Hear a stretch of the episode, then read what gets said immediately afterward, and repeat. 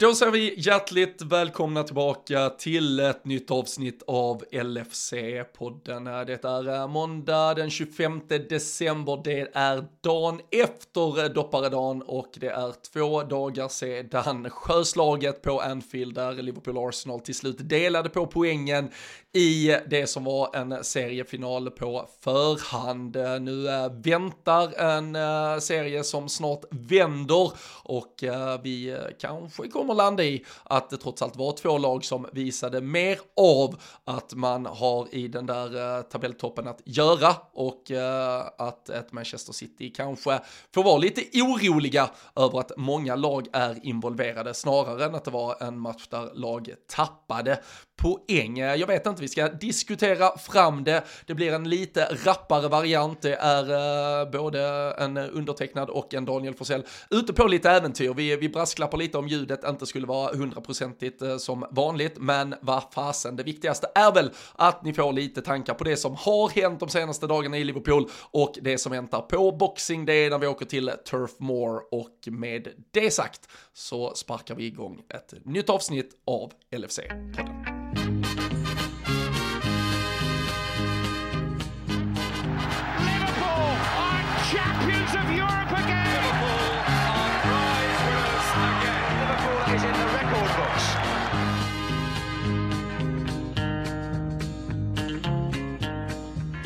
Ja det gör vi och eh, jag eh, får väl eh, börja med att sådär en dag för sent önska god jul till Borås och dess stolthet. Daniel Forsell, hur, hur är läget så här dagen efter?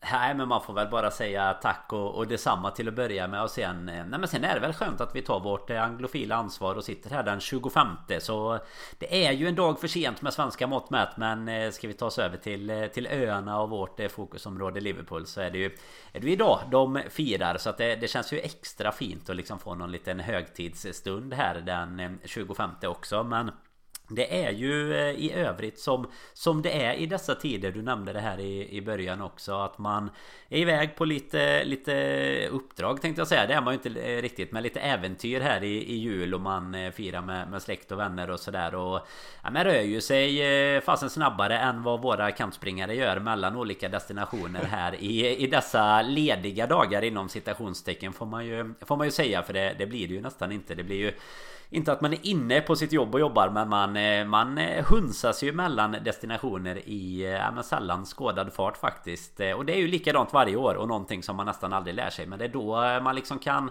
kliva ner lite här på, på Boxing Day imorgon och känna att det liksom blir... Det, det är lite slutspurten på julen och så får man fira det om man säger så med en, en fullmatad dag med fotboll egentligen. Men, ja, men innan jag ställer frågan tillbaka till dig med så ska måste jag bara ge en liten julklapp som folk kan, kan göra göra här i i dagarna. För när, när jag satt och eh, vi, vi satt ju och skulle spela in här och så så satt jag liksom några sekunder här innan och så eh, Ja men eh, kolla lite vad Om det heter anglofila eller anglofiliska som, som man ju gör den vanliga googlingen den 25 Men då trillar jag faktiskt in på en liten eh, Flashback-tråd som jag kan rekommendera folk att gå in på. Det är en som har frågat här från i, i november Hjälp mig att välja fotbollslag i England eh, Heter den. Det, det, det, kan jag rekommendera. Det var rätt kul när man själv känner att man Att man har sitt lag kirrat och klart. Det finns Det är högt och lågt om man säger så det var någon eh, Chelsea-supporter eh, Bland annat som hade Ja det var Det, det är inte Det är liksom Vi hade behövt sätta sån här explicit eh, gräns på På just de orden som han nämner om alla lag som inte är Chelsea till exempel. Men Lite julunderhållning och gå in där och titta om man nu Om man nu känner att man har någon familjemedlem här i, i närheten som inte är tillräckligt stark för att gå in i Liverpool-gemenskapen. Ja men precis som behöver, Kan man ge dem ett fotbollslag Exakt som behöver få något julklapp så finns det bra anledningar där. Så, Fint nej, det, bara ge, alltså, ge bort supporterskapet, bara skicka det, lägga det under granen så här. Här får du ett supporterskap till Liverpool. Man kan, Ja men man kan ju till och med Ja precis som det kan man ju göra Alltså antingen till supporterklubben såklart Om det är en, om det är en reko person som man vill ha in i, i sektgemenskapen Men det finns ju liksom också de då där man kanske behöver gå in på typ West Bromwich eller någonting Och köpa ett, eh, ett medlemskap för ett år Och så lägger man det bara och så skriver man det på rekommendation från Ja vad nu den användaren på eh, i Flashback-tråden som rekommenderade hette Så Nej det Nu är, nu är man ju lite sent ute Men ett julklapps, tidigt julklappstips till eh, nästa år då. Stå istället. Ja, ja. ja det, det, låter bra. Vi, jag, jag, spelade nyss, innan jag spelade in detta så satt vi och gjorde Rule Britannia, jag tillsammans med Fabian Jalkemo. Då snackade vi just om julfirande i England också. Då, då var jag tvungen att referera till, jag vet ju att du körde ju en 10-12 dagars någon gång över liksom både jul och nyår. Och då, då landade vi ju det att skulle man vara på öarna idag den 25 december, då är det ju i stort sett en Kina-buffé man kan få tag på. För annars är det ju fan klappstängt överallt och eh, det är väl de eh, små restaurangerna på, på Chinatown typ som är öppet. Så det om man ser till den eh, engelska bollen så, så är det vi som poddar om den och eh, då eventuellt asiatiska restauranger på, eh, på, på öarna som, som håller verksamheten i, igång idag. Så det, det är vi som med stolthet tar ansvar för England den 25 medan andra festar bort sig och njuter av julen. Ja men så är det verkligen. Det är faktiskt en, en fin recap du drar upp där. För det är tioårsjubileum just nu. Får man upp lite sådana här minnen på Facebook. Att det är tio år sedan man var på de här olika matcherna. Vi, eh, minns jag rätt åkte vi över typ den 20 och var över till fjärde, femte någonting. Så det var nog en två veckors period där. Och eh, precis som du säger. Det var ju fullt drag eh, alla dagar. Förutom just den 25. Då var det... Vi hade ju tur. Vi bodde ju uppe på om, det var nog Duke Street tror jag eh, heter den va? Och så eh, är det ju ganska nära upp till, eh, till Chinatown då. Så den 25 var det faktiskt exakt så som du refererar till. Det var det som hände. Man fick hitta en, men, nej, men en lokal Kina-restaurang. Du vet framförallt vad som är öppet också om man ja, May, Mayflower bodde vi väldigt nära också. Jag vet, jag, jag alltså litet minne av att det var, jag vet att vi var där någon gång och köpte om det. Men jag tror att den 25 att vi, att vi tog oss hela vägen upp till, ja. eh, till Chinatown. För där var det ju klappstängt. Däremot den 24 och eh, sådär som, som vi firade här hemma så var det ju, var det ju fullt drag. Eh, det var ju uppesittarkväll ute på Concert Square om man säger så. Så nej. Exakt. Tioårsjubileum för det där fina. Det kan man ja, kan verkligen rekommendera folk att, att göra. 13, två veckor 13, på öarna. 13-14 säsongen som uh, många tycker att den grusades uh, där de sista veckorna och Gerard som halkar hit och dit. Men det är ju två uh, förluster väl mot City och Chelsea här i ja, mellandagarna. 1-2, 1-2 det är ju riktigt ja. som eh, Som svensk tar du en tillbaka ända till 90 va? Ja, det är tuffa, tufft med Tommy Svensson och så vidare. Nej vi var ju på City. Vi var ju, vi var ju på City-matchen där och hade, hade möjlighet att åka ner på Chelsea också. Det är ju två riktigt tuffa matcher där Typ 26 och 28 eller 29 som vi vi har efter varandra. Och det är ju den eh, också som alla såklart minns med, med Liverpool-hjärta Det var ju när Raheem Sterling var på, på rätt sida av livet och spelade för oss. Och han eh, Det är ju innan var, VAR-tiden Han var på rätt en, sida linjen också ska vi Han var verkligen på rätt sida med ett par meter känns det som. Men vi blev ju, blev ju bortdömda där. Och sen eh, Nej sen åkte vi inte ner till London och Chelsea. Vi, vi fick som sagt möjlighet till biljetter. Men det var ju på tiden man pluggade och höll på. Så att då, då fanns det inte budget till att ge sig iväg till London mitt i, i jultiden. Så då var man på klassiska Bierkeller istället och såg, ja, inte, såg den 1-2an också. Inte dumt det heller. Det var, Nej, det var Intressant också att vi, vi sa här precis innan vi startade det, idag har vi ungefär en halvtimme att trycka ja. av och så har vi lagt åtta minuter på, på, Birkelle. på, på Birkelle och uh, kinesiska uh, restauranger. Som har det varit match också eller? Har det varit match också? Alltså, man har ju inte hämtat sig från den än, ska sägas. Uh, vi, vi kan väl sätta det helhetsgreppet bara på den. Uh, och uh, jag, jag känner jag var liksom tvungen att koppla in objektiva ögon på det. Och det jag tror jag kan med den insikten att det var ju något utöver det vanliga. Alltså man satt ju på nålen, man var ju mentalt och fysiskt dränerad när det här väl var slut. Helvete vilken fart det var på en. Det var, mm. Man hade ju sett West Ham mot United där först på tidig förmiddag. Det var Everton som var på besök, Tottenham därefter. Men alltså det var ju en upptrappning hela dagen från att, alltså det var ju inte samma sport man såg under dagen och eh, alltså det vi såg på Anfield det är bland, alltså så här, man kan ju, vad är fotbollsunderhållning? Det, det får väl därom tvistade lärde liksom, men eh, mycket högre kvalitet i så högt tempo och ändå lyckas med så mycket som jag. Sen tar man ut varandra och hindrar det från att bli jättefarligt, särskilt många gånger, men en mycket bättre fotbollsmatch, så som i alla fall jag tittar på fotboll, det vet jag inte om jag har sett på ett eh, par år här alltså egentligen. Nej men det är väl egentligen våra matcher mot eh, City som, som kan vara och kampa. Alltså jag, jag tycker lite, vi refererar man tillbaka bara till vårt senaste avsnitt så är det ju lite den här typen av fotboll. Fast detta var ytterligare ett snäpp upp men som jag försökte hänvisa till när jag pratade om våra resultatmässigt tråkiga finaler mot Chelsea liksom När lag tar ut varandra Man kommer, alltså de är riktigt eh, så här hyperfarliga. Chanserna Kommer ju kanske inte hela tiden Men man ser ändå att det är så otroligt hög kvalitet på allt som görs. Arsenal var ju verkligen på Anfield för att, för att spela fotboll. Det var ju inte så här parkera bussen läge liksom. Och eh, Verkligen det du var inne på där att eh, nu, nu, får vi väl se hur det blir imorgon när vi också spelar eh, Nej vi spelar väl inte sist där ytterligare någon match till, Ja det är United det Villa i den sista. Precis De har dratt eh, om schemat lite så det är ytterligare en sen match För jag tänkte det var verkligen en sån typ av upptrappning som du sa under hela dagen. Det var ju en av de värre fotbollsmatcherna man hade sett West Ham och, och United. Det var ju inget super tempo i, i den där matchen. Och sen så blev det lite bättre Everton lite så här oförtjänt eh, förlust kanske mot, eh, mot Spurs men sen eh, Sen var det ju en riktig holmgång Alltså Alltså precis det jag tycker att vi pratade om att man hade önskat sig att få se. Alltså ett Arsenal som man ändå ska ge cred till kommer dit för att eh, vilja ta de tre poängen också inleder ju liksom redan första 30 sekunderna med att och fixa en hörna liksom och bara, bara öser på. Och det är ju det är vågat att göra på ett Anfield som dessutom eh, till, till liksom Klopps stora glädje efter alla mind games också tycker jag levererade åskådarmässigt sådär. Så att det gör ju att fotbollen, inramningen, alltihopa blir av, eh, av yppersta klass och det är ju här man, det är ju de här matcherna man liksom kan referera till när man, när man pratar om världens bästa liga och att men att kvaliteten är så hög på två lag som du säger Det tar nästan ut varandra. Det gör att inte det blir de här riktigt sjuka chanserna för att både försvarsspel, anfallsspel Allt är liksom av en sån hög kvalitet. Och jag tycker även att vi har många Kommer vi komma in på här med många spelare som verkligen typ Rise to the occasion och, och steppar upp när det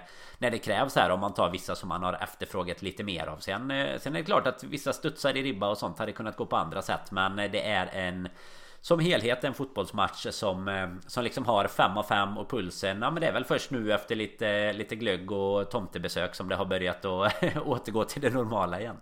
Ja, nej men verkligen. Och det, det, det är ju som du säger, det är ju, alltså li, lika delar måste man ju såklart berömma Arsenal för att de, de kommer ut och verkligen är påkopplade de första fem minuterna. Vi, vi, I den här jävla podden har vi ju ständigt återkommit till hur Liverpool bör vara bättre de där första minuterna. Och det utnyttjar Arsenal, alltså nu visst, ja. det, det är egentligen en frispark som, som inte normalt sett ska vara jättefarligt, men det är ju slarvigt att ändå ge bort det och sen, sen är det slarvigt hur vi kanske hanterar försvarsspelet eh, på, på det som leder fram till 0-1 också, men det gör ju såklart att vi startar i uppförsbacke, men, men från det så växer vi ju in i det och tar kommandot och där kan man väl känna att det är slarvigt bara att vi ens är i underläget för, för sen växlar vi ju verkligen upp och, mm och sen är det ju kanske vi som, och det är väl så här, det har väl krävts att man har uh, fått zooma ut och man har fått uh, nyktra till liksom i stort sett för det kändes som att man till slut var inne i en jävla virvelvind som, eller en ja, torktumlare pratar väl, uh, eller washing machine hade väl Arteta pratat om innan och det, och det kändes ju som att man själv också som, alltså bara åskådare var fast i det, man bara snurrade runt i den och visste fan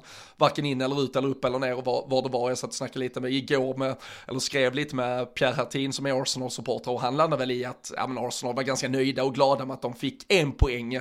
Jag kände väl stundtals, det är ju för att man är så känslomässigt investerad, jag var också ganska glad med en poäng för jag kände, jag såg väl faran i vad Arsenal skulle kunna uträtta mot oss, men vi landar kanske i att Liverpool till slutändan var lite, lite bättre och det, och det är ju liksom cred nog att vi är det mot ett Arsenal som del, dels får en 1-0-ledning och dels är så bra som de är och har visat under hela den här hösten. Så det är ett Liverpool som, som växer in och framförallt genom att vara extremt stabila bakåt. Alltså, vi, Simicas börjar ju jättebra mot Saka, de, de får ju fem minuter typ när Gomes kastas in från ingenstans och Saka får lite övertag där och Gomes är lite osäker, men sen växer ju han in och är en jätte, Trent är ju en jättematchen igenom, han har ju övertag på Martinelli, mm. Konate van Dijk tillsammans är ju fantastiska. Sen är ju Arsenal lika bra, alltså Saliba är ju otrolig, Rice är otrolig, Wataru ändå mot Rice. Det blir någonstans en mittfältsmatch där det är återerövringen från de defensiva mittfältarna som kanske mer dikterar än att det är finessen eller flärden från Soboslaj och Ödegård. Det var liksom, det var kamp, det var så jävla hårt där ute. Och, och sen då ändå, ger du en meter, det, det ser vi när Sinchenko inte kommer upp mot Sala. Vi ser det när vi då släpper till en halv meter på Gabriel. Det, det är så små detaljer som gör att det till slut kan bli klara målchanser. Men det visar också hur jävla rätt båda lagen låg i övrigt under matchen. Och sen är det ju en ribbträff såklart som är det som skiljer oss i slutändan från tre poäng istället för en, men sett över 96-7 minuters fotbollsspelande så, så är det väl svårt att klaga på att vi ändå delar på poängen eh, i slutändan. Ja men jag tror att de flesta både Liverpool och Arsenal supportrar och, och även objektiva tittare såklart kan, kan verkligen kan landa i ja, men det hade nog bara känts orättvist Men det hade nog bara känts orättvist typ att någon vann. Det kändes som att både, alltså det var, det var två så jävla bra fotbollslag Så det var så här, låt oss alla bara få blåsa av Låt oss få andas ut och få återhämta oss från det här Utan att någon behöver vara för ledsen. För jag tycker inget lag hade förtjänat Alltså så här, något lag kanske hade förtjänat att vinna Men jag tycker inget lag förtjänar att förlora egentligen För båda var så jävla bra Ja och sen tror jag att båda kan vara ganska nöjda med det i efterhand också. Sen tycker jag om man tittar på det från eh, i sin helhet hela matchen så är det väl lite som du säger att vi har väl ett övertag under större Eh, under större delar än vad Arsenal har utan att kanske komma till mycket mer än egentligen den här eh, Alltså Trump, alltså den, det är ju en kontring. Det var exakt det vi pratade om. Det är ju inget lag som släpper till oss de här kontringarna längre Men så gör ju Arsenal precis det. Vi kommer fem rusande mot Är det Rice som är kvar där bak liksom? Man kan eh, dra fram du vet det här memet från Gladiator typ När han drar upp, Rice drar upp svärdet liksom Så bara kommer det bara Orcher och springer mot honom typ i, i full fart. Och sen är det ju Det är väl mer eh, Alltså det där läget är inte mycket att säga om. Det, det är klart man kan säga så här. Det ska ju såklart bli mål liksom. Alla har väl sett. Eh, eller om, om man nu har följt lite fotboll under jultiden här har man även sett. Eh, I alla fall eh, bilder på om man inte har sett rörligt på Sterlings friläge. När han liksom, då kommer tre fria mot José Sa igår bara i, i Wolfsmålet. Och han inte väljer att passa. Här väljer ju Salah att passa.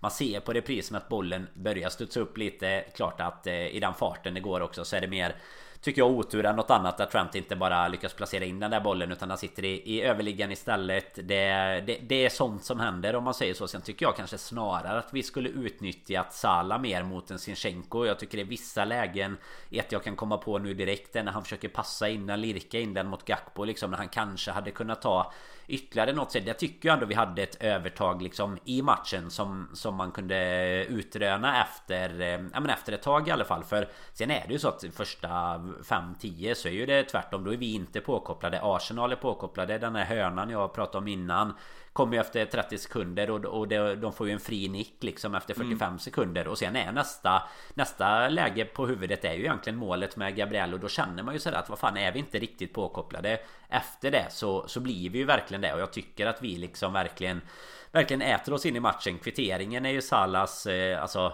det, det, är ju inte lagets förtjänst om man säger så utan det är en, en solorädd från, eh, från en världsklasspelare men sen tycker jag framförallt Ja det är väl kanske... en crossboll från Trent som kanske ja, ska med okay. in i eh, paketinslagningen Den ska med in i ekvationen ja. Men det är mycket kvar att göra det ska man absolut. säga jag, jag tycker ändå att han ska ju ha all Alltså de, de assisten och de målen och allt han har bidragit med nu men Bollen är ju långt ner mot, eh, mot eh, hörnan liksom när eh, Salla plockar upp den och, och gör sitt sådär. Men sen Och det, det, kan vi väl bara flika in det här med att Trent borde spela mittfältare eller sweeper. Alltså det är ju Det är ju där han står och vill slå de här Kevin De Bruyne bollarna Alltså det är ju Det är ju helt otroligt. Han, Det är inte bara en gång i den här matchen heller som han lyckas med den typen av passning. Och jag menar kan vi bara få lite mer kapitalisering på, på anfallarna utifrån vad vad han kan stå och quarterbacka med där bak så, så kommer det ju bli hur bra som helst. Och eh, ja nu kommer vi ändå komma in på det här att det blir ju ändå en, eh, en rotation som kanske kommer börja krävas nu. En Semika som som går sönder här. Men ja just i det här med matchen bara tycker jag också att det är lite synd. Alltså som du säger inget lag förtjänar ju att förlora men det är lite synd att vi kanske inte nyttjar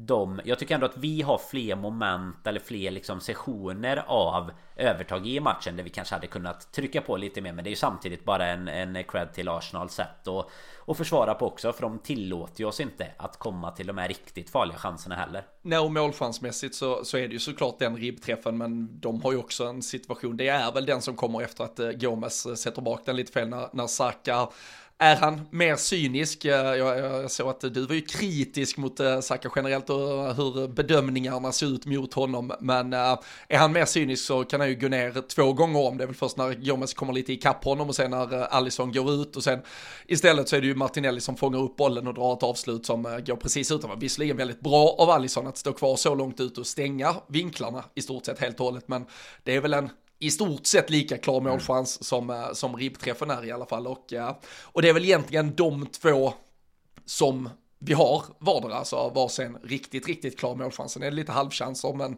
men inget som är så solklart. Och eh, det, det som såklart blir med, med den här, alltså friläget, det är ju så här, för det första, vi kommer aldrig ens till friläget om det inte är Mohamed Salah som vinner bollen i eget försvar, för det är ingen annan som kan driva bollen på det sättet från eget straffområde i stort sett till offensivt straffområde utan att bli i kappsprungen.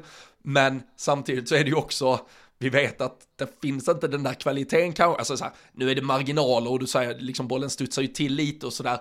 Men någon annan spelare, till exempel, hade det varit Soboslaj som hade drivit upp bollen och så petat ut den till Sala och han hade avslutat, då hade det ju varit mer rätt spelare i rätt läge så att säga. Det är rätt spelare som passar, rätt spelare som avslutar att Salah ska passa och Trent ska avsluta, det, det, är ju inte optimalt. Sen, sen ska vi ändå göra bättre och vi, vi ska väl sätta dit den där och avgöra. Uh, det är också väldigt svårt att jag tror också med, med adrenalin, när du tar den löpningen, du, du tänker inte hur du avslutar, du tänker bara att den bollen ska bara tryckas mot mål så, så snabbt, enkelt, hårt som möjligt. Eh, att vara, att vara helt kylig i skallen där. Vi, vi kan eh, liksom kräva mycket av eh, toppfotbollsspelare som är väldigt bra betalda för att göra det de gör. Men att Trent ska ha sinnesnärvaro till något annat än att försöka trycka den i nättaket, det, det, det förväntar inte ens jag mig faktiskt, om jag ska vara helt ärlig.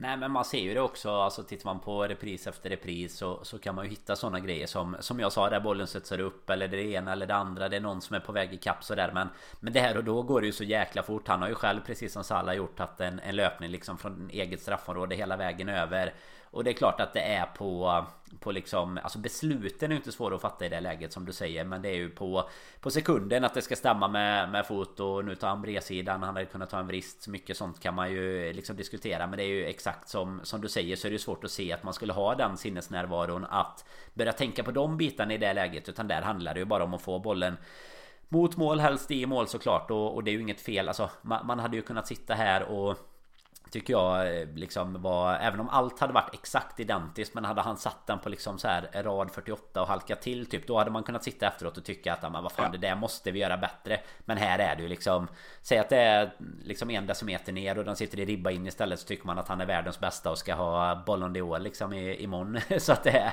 Det är så små marginaler tycker jag där. Och det, det är klart att i sådana lägen däremot Om man ska se matchen som helhet I sådana lägen Kanske du inte har råd att missa i den här matchen Mot att du hade haft råd att göra det i vissa andra matcher. Inte för att vi har haft eh, så stora marginaler i, i matchen mot även de lagen som har varit sämre på pappret. Men du är med på vad jag menar där. Liksom, att här är det ju så viktigt när du väl kommer till lägena. Så behöver man, eh, behöver man också utnyttja dem. Men eh, sen när alla de spelarna också i övrigt gör en en liksom riktigt bra match. Hade detta varit mot till exempel United där man tycker att många inte alls kom upp i nivå. Men då hade man också kanske varit lite mer så här. Ja men vad fan vad de slarvar liksom. Men här Här håller ju alla de spelarna. Trent är ju, är ju superbra och liksom ja, det, det, blir så mycket annat bra att här, här blir det bara snarare att man får konstatera att det, det var jävla synd. Sen precis som du säger, eh, han håller ju Håller verkligen koll på Martinelli matchen igenom i, i övrigt förutom kanske det läget som Som han kommer fram till där. Och, och det är ju egentligen Precis som, som du är inne på, det är ett lika farligt läge. Bara att det inte ser kanske exakt lika farligt ut Bara för att det hinner vara fem mot en i,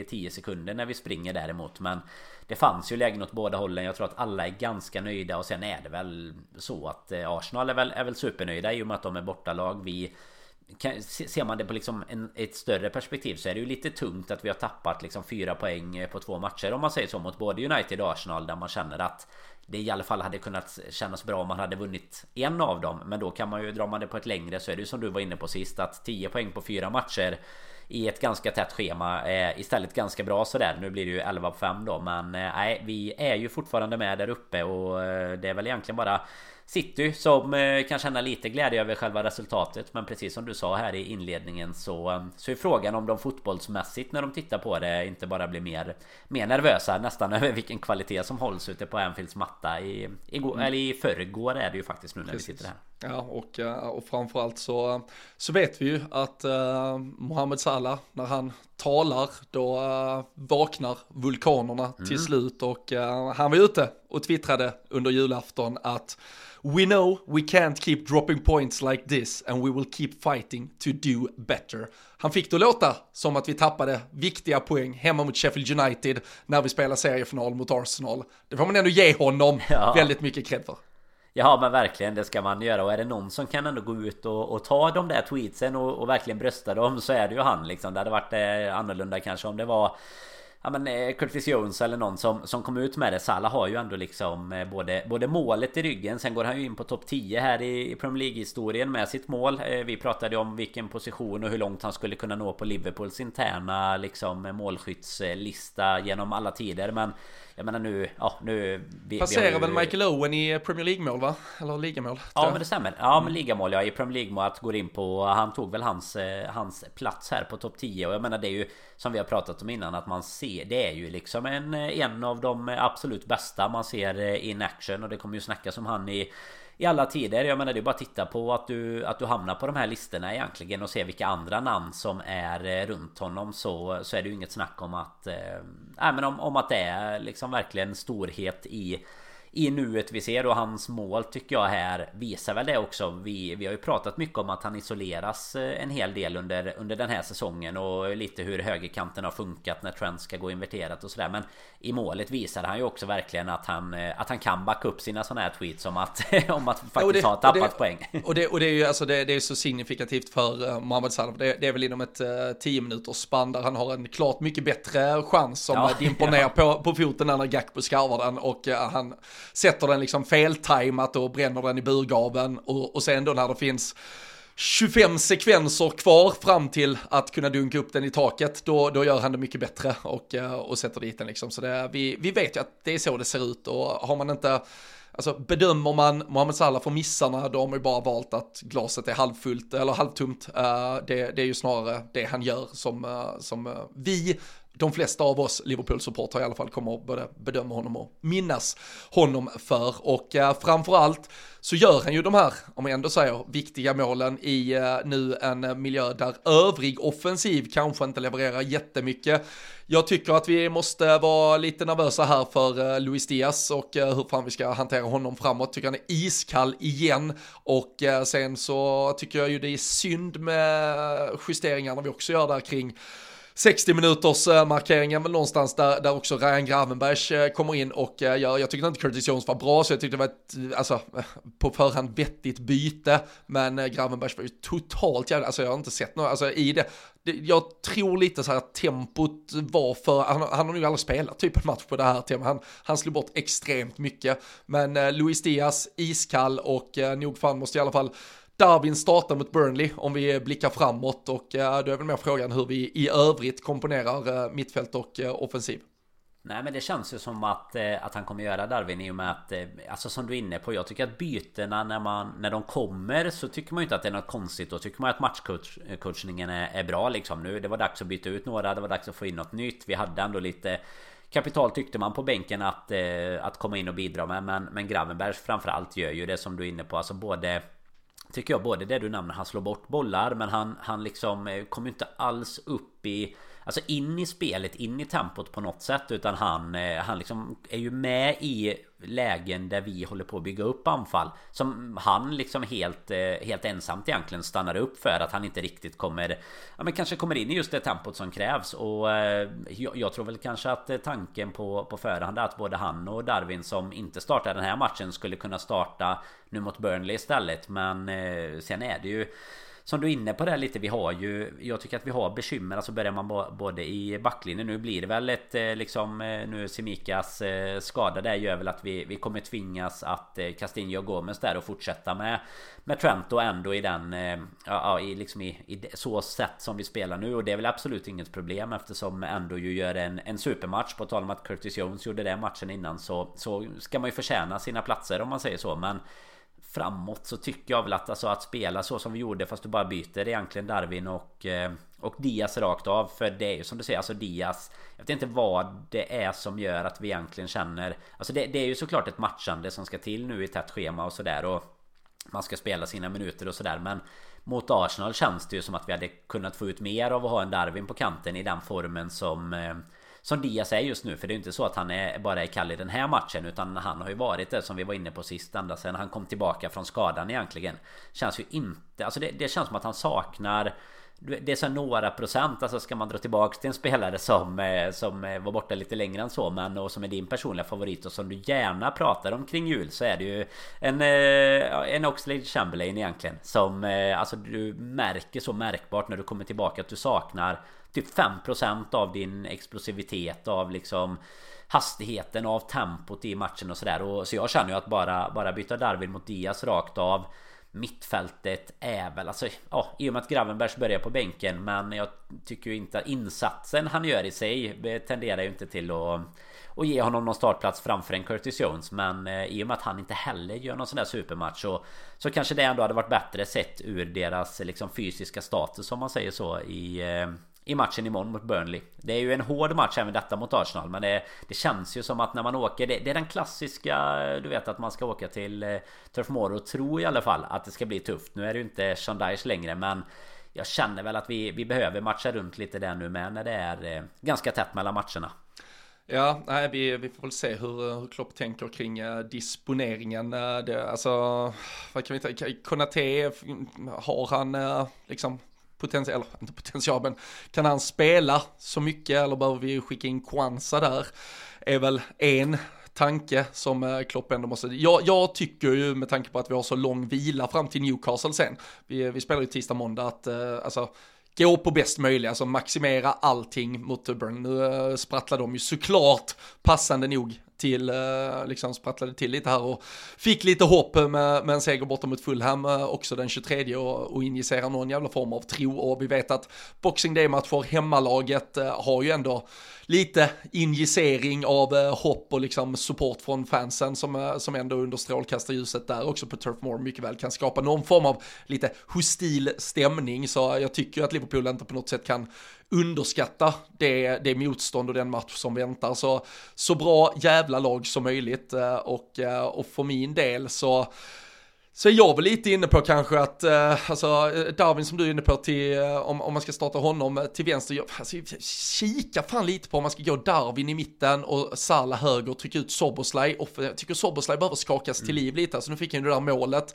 som vi snackade om senast mot, mot West Ham, men trycka ut honom till vänster för att kanske spela med med, med Endo och eh, både Curtis och Harvey på mittfältet istället. Eh, om det skulle vara ett, ett eh, alternativ. Jag tycker också Harvey Elliot förtjänar en start tror jag, eh, med tanke på hur han har sett ut senaste tiden, även vid inhoppen. Så det, Måste nog skaka runt lite. Sen, eh, alltså på tal om de spelarna som var riktigt bra mot Arsenal så måste ju ändå nämnas igen där. Uh, som sagt, både, både han och Rice var ju, var ju de som kanske styrde matcherna mest från uh, de respektive mittfälten med, med sitt återerövrande av boll och uh, han, alltså det, det, är bara frustrerande att han alltid ska ha ett gult kort ganska tidigt. Man blir ju ja. livrädd över det faktumet. Men jag tror, jag hade nog valt ändå och så hade jag valt att starta med Curtis och Harvey gått Shoboslaj till vänster, eh, Darwin i mitten och eh, Salah till höger. Mm. Nej men det är taget, absolut taget. Sen eh, som du nämner för att koppla tillbaka lite, du pratade om innan att det var Ja, men lite vad jag tyckte om Saka och sådär. Det var egentligen inte Saka jag hade problem med. Och jag kom på det när du nämnde Endos gula kort här. Eh, så det är ju, det är ju återigen eh, domarna som ska stå i centrum. Jag menar Salah får ett gult kort för att han blir förbannad för att han får frispark i mål. Han tar bollen helt perfekt. Han tar bollen helt perfekt. Han blir arg. Vilket, som är, vilket är helt rimligt att bli när man liksom har gjort en riktigt bra brytning och kan sätta upp ett anfall. Och han liksom, det är, det är inte, han blir inte, han blir inte Dalot-arg liksom heller. Utan han, han blir bara lite förbannad i stundens hetta. Nej, då är det kort liksom. Sen är det ju flera lägen där, där jag tycker att Saka eh, ska ha gult. Men det är ju inte, det är inte Sakas problem utan det är ju domarnas problem. Och sen... Eh, vi, vi ska ju inte alltid ta upp dem eh, Robin men vi måste ju nämna den. Det är ju norska handbollsundret som du, som du skrev om på Twitter. Alltså vad, vad, vad, du, du är ju för fan utbildad domare liksom. Vad säger vi om den? Finns det någon, finns det stöd som folk säger i regelboken för att han håller på att ramla? Eller varför blir det inte straff där? Ja, alltså stödet skulle ju vara att om, om, du argumenterar för att han håller på att ramla så är det ju en naturlig, uh, alltså det är det ju en naturlig rörelse att försöka ta marken, emot liksom. med den handen. Men han tar ju aldrig emot med den nej, handen, alltså den är ju inte nere i marken så han använder ju inte den som stöd. För det är någon som, alltså hade han redan snubblat och halvlegat ner och haft den handen i och vi bara slår den på den handen. Då köper jag att nej, men det, det är ju helt naturligt att den handen är nere i marken. Mm. Nu är det ju snarare, alltså nu är man ju nere och, och gräver med näven bara, han står ju trots allt fortfarande upp och sänker ner handen. Så det, det är klart att det är solklart och det är klart att det är en miss och William Saliba stod väl efteråt och var lika förvånad som alla andra ja. hur det inte kunde bli straff och det. Så jag, jag orkar inte ens fastna i det. Jag, jag tror alla vet att det, det borde ha varit straff. Sen, sen var det ju några frustrerande bilder på uh, Chris Kavanagh och uh, Mikael Arteta när de tackade varandra efter matchen och var så jävla glada över vilken fin match alla hade gjort där ute på Anfield. Liksom. Det var, det var, de var så nöjda med, med insatsen. Det, det, är klart att det stack till lite i ögonen men... Uh, men det är också det som blir lite tycker jag smolket i glädjebägaren på något sätt när vi ändå, vi kan ändå sitta här och objektivt säga, eller objektivt ska jag inte säga att vi är, men, men vi kan sitta med Liverpool-ögon och ändå tycka att 1-1 liksom ändå är rättvist. Det är två bra lag och sådär men den typen av beslut som såklart hade varit helt matchpåverkande också. Det får ju inte gå till så. Det får inte liksom bli varenda jäkla vecka ska man behöva sitta och diskutera det också. Och det spelar ingen roll. Alltså det, det är också det. Vissa tycker så här. Ja men Liverpool bla bla var klaga på det. Men det har ju alltså man kan ju sitta på vilken match som helst. Vi tittar ju på liksom i stort sett alla i Premier League som, som går att konsumera liksom. Och det är ju verkligen inte så att det är vi. Nu har ju vi haft eh, kanske extrem otur med just de här eh, stora skandalerna om man säger så. Men jag menar det är ju det är beslut eh, veckovis i olika matcher som, eh, som man ja, undrar hur fan de lyckas att komma till liksom. Ja, bara, så, från den här, bara från den här lördagen var, fanns det ju en, ja. en del annat. Men nej, vi ska inte det, det som blir, eh, det, det jag står på det är ju att, alltså, för, sen säger ju folk, och det är ju det man ser sen folk skriver, och, och var kollar inte ens på det? Jo, alltså var kollar på allt. Ja. Alltså de kollar ju på matchen, alltså gånger tre, alltså hela tiden på, på allt som sker. Så att de har kollat på det har de gjort. Det vi inte fick se, vi fick inte se repriser av att de gör en alltså så att säga officiell check på det. Och det kan ju bli, det blir ju det märkliga, för då, då säljer du ändå in det så, alltså 90% tror ju faktiskt att VAR inte tittar på det. Och då, då blir det ju fel med tanke på att VAR, tar vi kvällen innan från Villa Park så tittar väl VAR på sju straffsituationer på en halvlek i stort, alltså bara någon nuddar varandra så tittar de ju på, ska vi kolla denna, ska vi kolla denna, och här känner man att bryr de sig inte, alltså låter de domaren styra allt här, medan i vissa matcher låter man VAR styra allting, då blir det lite fel.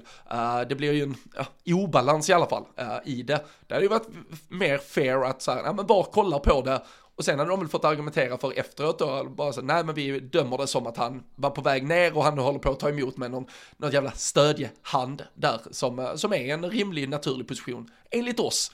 Och då kan vi ju då kan vi i alla fall köpa att de argumenterade för sin sak och inte nu då där det känns som att oj fan, vi missar att kolla det. Uh, för det Nej, blir men... lite så, de säljer in det.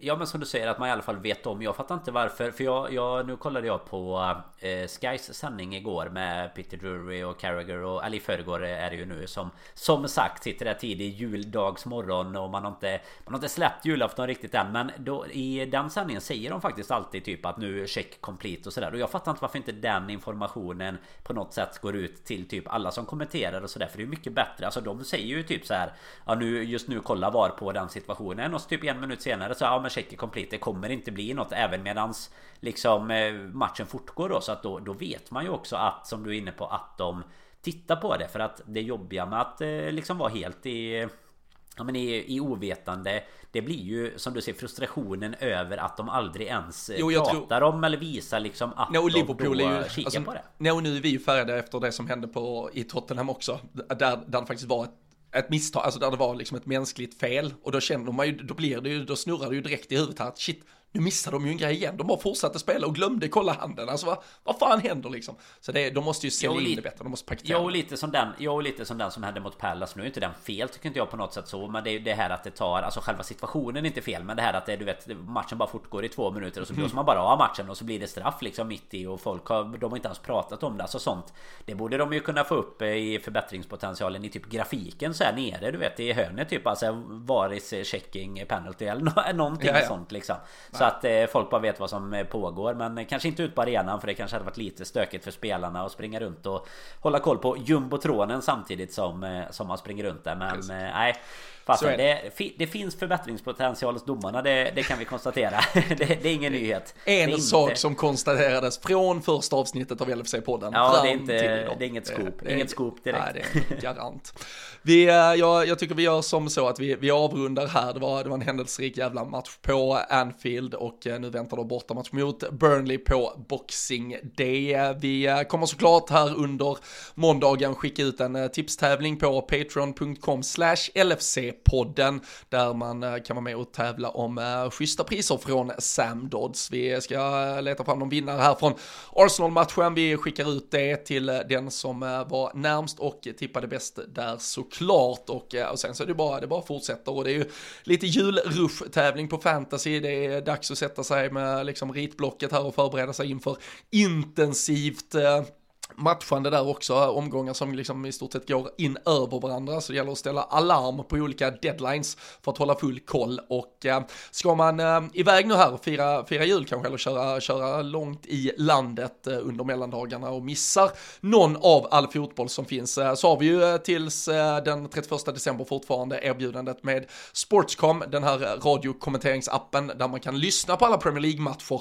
Man eh, laddar ju hem appen via App Store eller Google Play och eh, genom att uppge koden LFC-podden så får man prova Sportscom helt gratis i en månad. Så det är ju ett eh, tips för att eh, kunna hänga med i all boll som ändå rullar under den här intensiva perioden. Så eh, in på patreon.com LFC-podden för att vara med i våra tipstävlingar. Sportscom, det laddar ni hem till er telefon om ni vill prova och eh, kunna lyssna då på alla matcher. Eh, snyggt paketerade, enkelt och jävligt smidigt att använda med koden LFC-podden. Stora bokstäver så har ni den helt gratis i en månad. Men eh, vi är tillbaka igen här om ett eh, par dagar. Eh, plockar ner eh, Burnley-matchen, blickar fram mot Newcastle. Men fram tills dess så önskar vi eh, fortsatt eh, fint eh, julfirande för eh, de som har lite mer att avverka. Ni andra får ligga på soffan, njuta och ta det lite lugnt så hörs vi snart igen.